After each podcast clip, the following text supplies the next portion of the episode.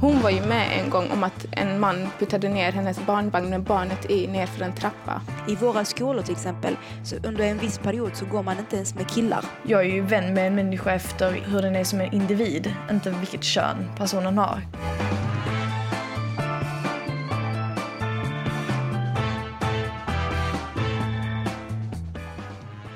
Lyssnar på podden Honey and the Bees. Jag heter Lena Taha. Och med mig idag har jag en tjej som ska hjälpa mig. Eh, vanligtvis brukar vi ha två tjejer. Men idag blev det bara en. Och eh, det är ju allra första gången för dig här i podden. Välkommen Andrea. Ja, tack så jättemycket. Hur känns det? Det känns bra. Men vad ska vi prata om idag? Eh, jo, vi ska prata om en eh, lillebror som har våldtagit sin lilla syster och eh, en pojkvän som vill åka utomlands med sin KK. Aj, aj, aj. Eh, våra lyssnare känner inte dig, Andrea. Du är snart 22 år, du håller på att ta körkort, stackars dig, eh, säger jag. Gillar att testa nya saker och du drömmer om att jobba utomlands med turism.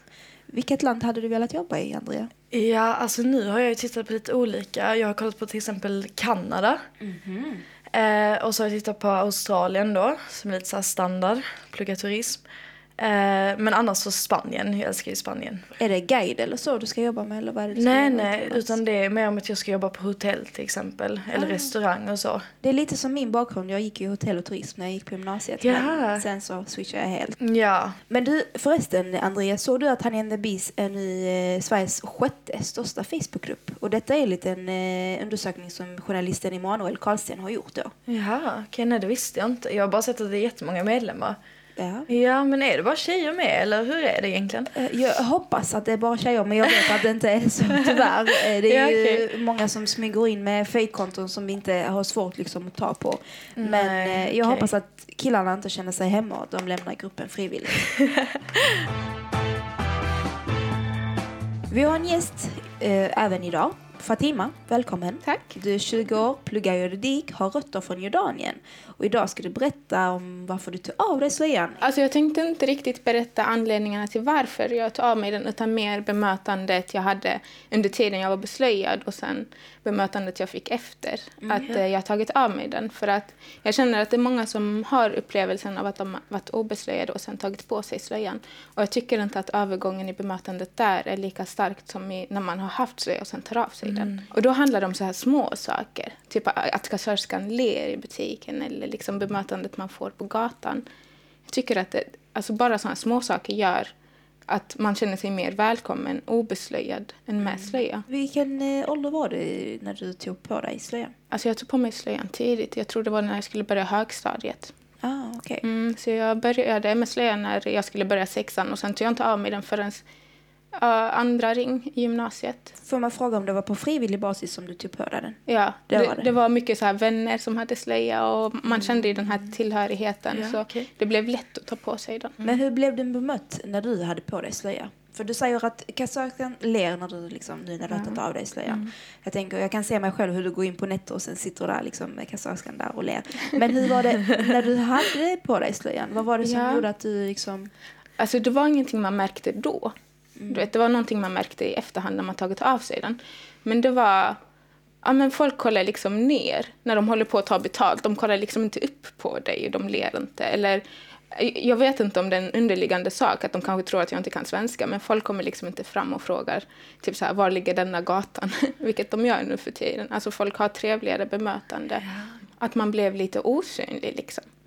Att folk helst inte satte sig bredvid mig även om det var en tom plats på tåget eller på bussen. Det blev som en bubbla runt omkring mig på grund av att jag hade slöja. Att folk ja, inte såg mig. Men vad tror du att det beror på? Alltså ärligt talat vet jag inte om det är en sån... Ja, jag, Tror det islamofobi handlar om, kanske. kanske, det kan vara förbi, men det kan handla också om att man tror att i våra hemländer till exempel så brukar ju männen gå och kolla ner på Mm. marken när de går förbi ett gäng tjejer. Eller det ska vara, idag är det inte så. I det här samhället. Nej, det är absolut inte så idag. Men tidigare har det ju varit så. Ja. Jag menar på kanske 80-90-talet så var det att Mm. såg man en tjej med slöja så visade man extra respekt för man typ förstod att hon var religiös. Alltså det är ju ett fel Ja. tankesätt. Men tror du att det fortfarande liksom existerar? Att man känner att man... Jag kände aldrig att det var respekt. Nej. Alltså det kändes mer på, alltså jag var osynlig på ett nedlåtande sätt. Ja, Liksom. jag tror inte heller det handlar om det. Tyvärr, man hade ju önskat att det var det det handlade om. Jag tror det handlar om att eh, folk fortfarande är så himla eh, rädda, eller man ska säga, för någonting som är annorlunda. Men när du var beslöjad, upplevde du någon liksom händelse som har satt sig? Alltså så här, och som har varit hemskt? Alltså jag har inte upplevt något personligt. Eh, men eh, min stora syster hade niqab på sig. Eh, alltså inte på heltid, men hon tyckte om att vara ibland för att liksom, hon ville vara lite normbrytande. Liksom. Och hon var ju med en gång om att en man puttade ner hennes barnvagn med barnet i ner för en trappa. Va? Ja, och det gör att man blir så rädd. Alltså hur kan en människa ens agera så? Liksom? Ja, Det är Ja. fruktansvärt. Fick hon liksom veta varför han gjorde så som han gjorde? Sa han någonting? Eller Han sa var- ingenting. Nej. Nu har din syster fortfarande på sig niqab. Nej. Men hur var det egentligen att gå från att ha på dig slöja till bara vakna och ta av sig slöjan? Alltså var det, kändes det inte konstigt från en dag till en annan?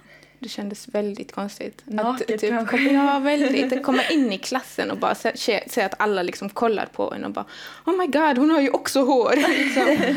och bara, ja, det, det var skumt. Men, Ja. eh, Men vad var det den tydligaste skillnaden du har märkt när du tog av dig slöjan? det var ju just det bemötandet från främlingar. Ja, men att folk som sitter vid mig på tåget, de öppnar gärna konversation. Eller så här, startar konversation med mig nu. Det hade de ju aldrig vågat göra tidigare. Och nu tänkte jag att vi ska prata om ett anonymt inlägg som har kommit in till Facebookgruppen Honey and the Beast då, som handlar om pojkvänner och deras tjejkompisar. Eh, det är en tjej som skriver in om att hennes pojkvän har en tjejkompis som han nu vill åka utomlands med. Och den här tjejkompisen har också varit eh, en före detta KK. Tjejen som skriver in till Facebookgruppen säger att eh, killen skulle bara säga att de bara är vänner om hon skulle liksom prata med honom om detta. Mm. Och hon är rädd att den tjejkompisen ska också tycka att hon är liksom en hemsk häxa som inte vill att de ska åka utomlands och så. Uh, hur känner ni? Tycker ni att tjejer och killar kan liksom eh, vara vänner? Ja, det tycker jag absolut. Eller ja, det är självklart tycker jag. Jag har ju killkompisar, jag vet många andra som har tjejkompisar av killar jag känner och så här. Men eh, just i det här fallet så har ju de ju uppenbarligen en attraktion till varandra i och med att de har varit KKs tidigare. Eh, och då tycker jag att man lämnar det här vänskapsplanet. Jag, jag tror inte man kan, eh, man har liksom en ren och skär vänskap med någon man har haft sex med. Alltså uppenbarligen många gånger också. Det här var ju inte någon fyllegrej utan de har ju varit KK. Ja, Så det- Fatima? Ja, jo, men jag tänker likadant. Alltså, det är Ja. ju klart man kan vara vänner. Ja. Men det här är ett annat scenario där han har, eller hon är hans före detta KK och det är liksom någonting. Ja. De har haft någonting. Jag har, Men tror ni inte att den här attraktionen kan eh, försvinna? Eh, alltså jo, det är väl självklart att han kan det. Alltså jag, jag, jag hoppas ju, eller jag kan ju tänka mig att den har kanske försvunnit från hans sida. För att han är ju uppenbarligen kär i sin flickvän. Och många som blir kära i någon liksom fördelar sin attraktion där ju. Men då är de ju vänner. Ja men hennes är ju säkert kvar. Alltså, eller jag tror hans Ja, kan vara kvar också. ja, Alltså, eftersom att de har haft attraktionen innan Ja. så är det lättare att det blir ett misstag om de två är ensamma utomlands. ja, Alltså, att alltså det är lättare att man faller tillbaks i det. Det känns lite riskabelt. I min värld så finns det inte kill och, alltså tjejvänner och killar. Nej okej. Ja, det, Okej. Där hur jag är uppväxt, ja det är klart man har klasskamrater och man har kollegor. Det, det är åt sidan. Men att Ja. man liksom går ut och fikar med en eh, killkompis eller en tjejkompis, i min värld funkar det inte. Och inte i min mans värld heller. Det låter kanske dumt, det handlar inte om att man inte litar på varandra. Men det handlar om att vi har liksom, vi är ju uppväxta på det sättet och vi har ju Ja. med oss det. Ja, okej. det lå- alltså, jag tycker att alla ska kunna få välja hur de Ja, vill absolut. Mm. leva. Och det är ingenting jag skäms över. Hade jag skämts över det så hade jag inte sagt det. Men vi är väldigt öppna med det. Mm. Vi är Ja. klasskamrater, kollegor. Fine, Ja. alltså, det är ingenting att diskutera ens. Men Nej, det beror också på hur du kategoriserar vänner och så ju. Men för mig är det så att jag kan både ha killkompisar och tjejkompisar. Men jag har ju också den synen att, ja, alltså människor och jag är ju vän med en människa efter in, alltså, hur den är som en individ, inte vilket kön personen har. Så funkar det för mig i alla fall. Och jag, om jag då träffar en kille eller är tillsammans med en kille så ska han ju kunna ha tjejkompisar och jag killkompisar, tycker jag. Producenten frågar då mig, eh, då Lina, men vad har könet med en kompisrelation att göra? Alltså det är svårt att, förklara det här, eh, men som sagt, jag kan skylla på att att det, är mycket, det handlar mycket om min och alltså vår bakgrund. Liksom. Mm.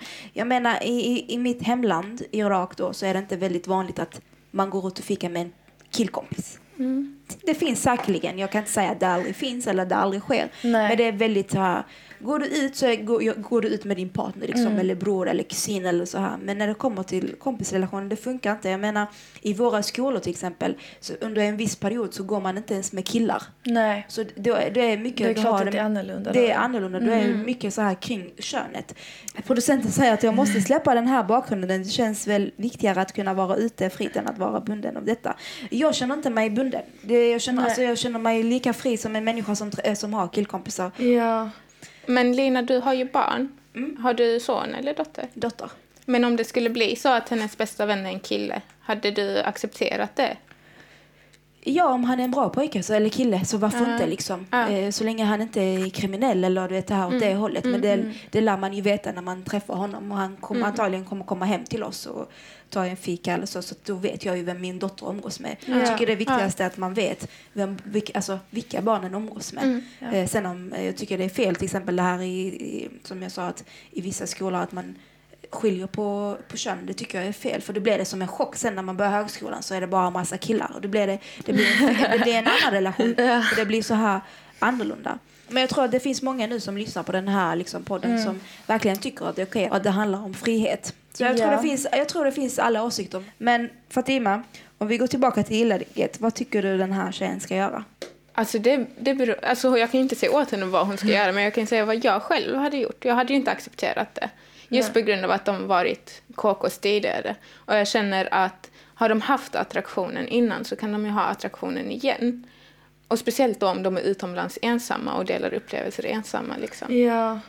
Nej, alltså vill han så gärna åka iväg med någon annan så kanske han borde vara singel istället tycker jag. för det här är ju någonting som inte ens var ett problem för honom om han hade varit singel. Då hade han ju bara kunnat göra det här liksom. Mm. Men ska man inte kunna våga lita på sin partner?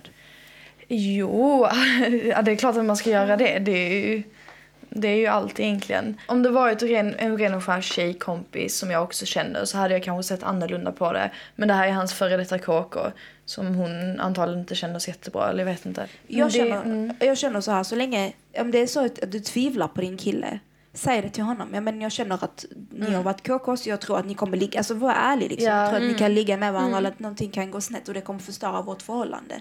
Ja. Men så länge det känns rätt, vad är det som känns rätt för dig, gör det. Vill mm. du ha killkompisar, vill du, ha, vill du åka utomlands med ditt KK, gör det. Mm. Vill du inte det, det, det, det är dina villkor, det är ditt liv. Ett annat dilemma har kommit in till Facebookgruppen och det här inlägget är väldigt allvarligt. Eller när jag läste den så kände jag bara, oh, gud vilket mm. bekymmer. Det är en tjej som skriver att hennes lillebror ska komma ut eh, från fängelset efter att han har suttit inne i ett och ett halvt år. Och det värsta av allt är att han har varit dömd för att ha våldtagit sin lilla syster 30 gånger. Eller deras lilla syster blev det ju. Mm. Han är alltså dömd för våldtäkt mot barn men nu ska få alltså komma ut. Tjejen som skriver undrar hur hon aldrig kunde liksom ha upptäckt detta. Men i och för sig, de bodde aldrig hemma tillsammans. Eh, men nu undrar hon hur hon ska gå vidare efter att detta har skett. Alltså de bor i en liten stad och tänker, liksom, tänker om de stöter på varandra ute i stan. Ja, det är ett väldigt stort dilemma. Hur känner ni? Alltså, har, någon, har ni någonsin hört eh, någon alltså, har, alltså, har gjort något sånt här hemskt. Första måste jag bara kommentera, ett och ett halvt år för Väldigt litet. våldtäkt mm. mot barn. Hur jag reagerade också på det? det? Att han får komma ut och leva som en vanlig människa efter det är ju helt fruktansvärt. Mm. Och nej, jag känner faktiskt ingen som har upplevt eh, just något så här inom familjen liksom. Det är klart att jag har vänner och bekanta som har blivit utsatta för våldtäkt. Eh, men jag vet ingen som har blivit utsatt för något sånt här. Detta är ju väldigt, eh, eller jag hoppas väldigt speciellt liksom. Men hur tror ni att den här tjejen känner Fatima? Alltså, hon, hon, eh, hon skriver ju att hon har ångest över att Ja. hon inte har upptäckt det. Och det tycker jag inte hon ska... Alltså, hon ska inte beskylla sig själv Nej. för det här. Det kan hända mycket bakom stängda dörrar. Alltså, Ja. Det ska hon ju komma ihåg. Och i och med att hon inte ens bodde där så blir det ju svårt för henne att ta tag i. Alltså, Mm. Och så lilla systern har antagligen inte sagt någonting. Men skulle ni kunna hälsa på lillabrorsan på stan om ni hade sett varandra? Absolut inte. Eh, vid sånt där tillfälle så tycker jag att även fast man har blodsband så spelar inte det någon roll längre. För jag kan ju tänka mig, jag har inga syskon. Men det är precis som min pappa eller min mamma skulle gå och mörda någon eller våldta någon. Då skulle jag ju kanske inte välja, välja liksom att ha någon kontakt med dem längre. Hade du kunnat titta på fast, honom? även fast det skulle vara mina föräldrar och mitt blod och min familj. Mm. Men eh, just när något sånt där hemskt händer och när ens bror gör någonting sånt så, så det är liksom oförlåtligt. Mm. Ja, men jag inte- känner precis som du att det här blodsbandet det ska inte påverka för att det här är en Nej. person som har varit omoralisk. Ja. Och du behöver inte det giftet i ditt liv. Jag hade Nej. inte hälsat på honom. Jag hade Nej. låtsats som att jag inte känner honom för att det är oförlåtligt. Ja. Det är verkligen oförlåtligt och jag känner Mm. nog likadant. Jag har en lillebror och hade det hänt alltså, det, alltså det spelar ingen roll om det är som du säger Andrea, om det är bror, mamma eller pappa som man Nej. skulle inte kunna acceptera det. Så Det går inte, det funkar inte. Nej. Alltså det är, även om jag tror ju på att liksom blod är allt men när det kommer till en sån här, någonting sånt här hemskt. Det går inte att förlåta, det är omöjligt. Mm. Men det måste ändå vara jobbigt att bo under, alltså, i samma stad och det är ett litet och jag antar att halva staden känner till den här händelsen för det Ja. brukar sprida sig väldigt fort tyvärr. Ja. Jag kan inte tänka mig heller att hon kommer komma över det här någonsin egentligen. Mm. Men hon får försöka leva med det och jag hoppas för hennes skull att hon inte träffar på hennes bror. Och att Jag han känner håller att- sig undan. Och att han inte försöker kontakta henne eller något sånt. Men vad hade ni gjort? jag. Hade ni flyttat kanske därifrån? Ja, alltså kanske faktiskt. Jag hade bott kvar för att jag känner att det ska inte påverka mig. Nej. Alltså, det- skulle jag träffa honom så låtsas jag bara att jag inte känner honom Mm. och går vidare med mitt liv. Han är liksom inte värd min energi och han är inte värd att jag tänker så mycket på honom att jag flyttar heller. Nej, det beror ju på. Alltså skulle man aldrig se honom så skulle det ju precis som du säger vara som att han inte existerar och då kanske man inte blir påverkad. Men skulle man börja träffa på honom ofta eller han skulle gå i samma kvarter eller för han vet ju förmodligen var hon bor någonstans. Då, då skulle man kanske vilja flytta faktiskt. Men det var För- ganska intressanta kommentarer eh, som tjejerna hade skrivit Ja. i inlägget. Och då skrev de att ja, alltså, vissa tjejer skrev att vi hade dödat den här lillabrorsan men vissa skrev ja men fortfarande är de Ja. syskon. Hon kanske fortfarande älskar honom. Vad tror ni? Jag tror ändå att det, liksom, de har byggt upp minnen ihop säkert som små syskon och så här. Men, det här är ju verkligen Då känner jag att om om hon tänker så mycket på det här blodsbandet, han tänkte ju inte på det Nej. när han våldtog sin lilla syster. Nej, precis. Så att hon ska inte ta så mycket hänsyn till att de är Nej, jag tycker syskon. inte hon ska ta någon hänsyn. Sen har hon fina minnen med honom så kan hon ju bevara dem och inte skapa nya med honom för de nya kommer antagligen inte vara lika bra i alla fall. Men hur tror ni, alltså, hur ska hon komma över sin ångest att hon inte märkte någonting? vi alla har väl haft någon i vår närhet som har upplevt någonting hemskt och man, ibland så är det bara att man missar det av någon konstig anledning. Människan kanske kan vara duktig på att dölja det eller så har man haft fokus på någonting annat. För just sånt här, det är så, vad ska man säga, det är liksom ingenting man tror ska hända.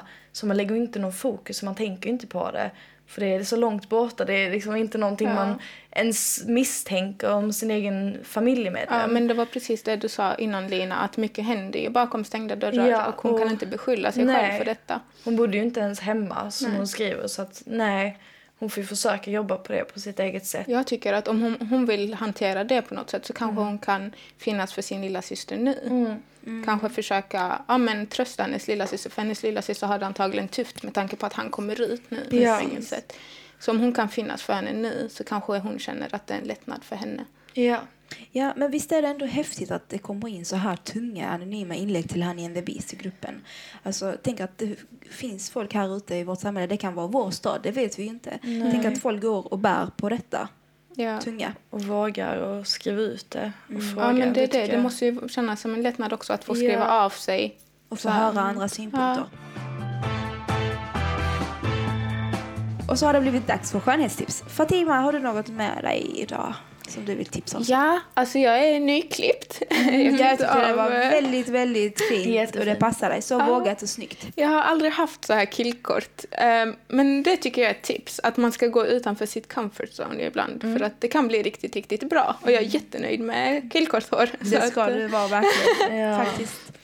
Men eh, ja, vill du vara med i podden så skriv till Madeleine HB producent Nilsson. Och till henne kan du även skriva om vad du vill att vi ska prata om här i podden. Tack Andrea, tack Fatima. Ja, tack så mycket. Tack för att Hej du då!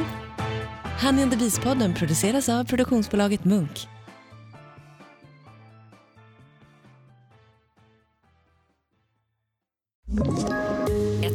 Poddtips från Podplay. I podden Något Kaiko garanterar östgötarna Brutti och jag, Davva, dig en stor dos skratt. Där följer jag pladask för köttätandet igen. Man är lite som en jävla vampyr. Man har fått lite blodsmak och då måste man ha mer.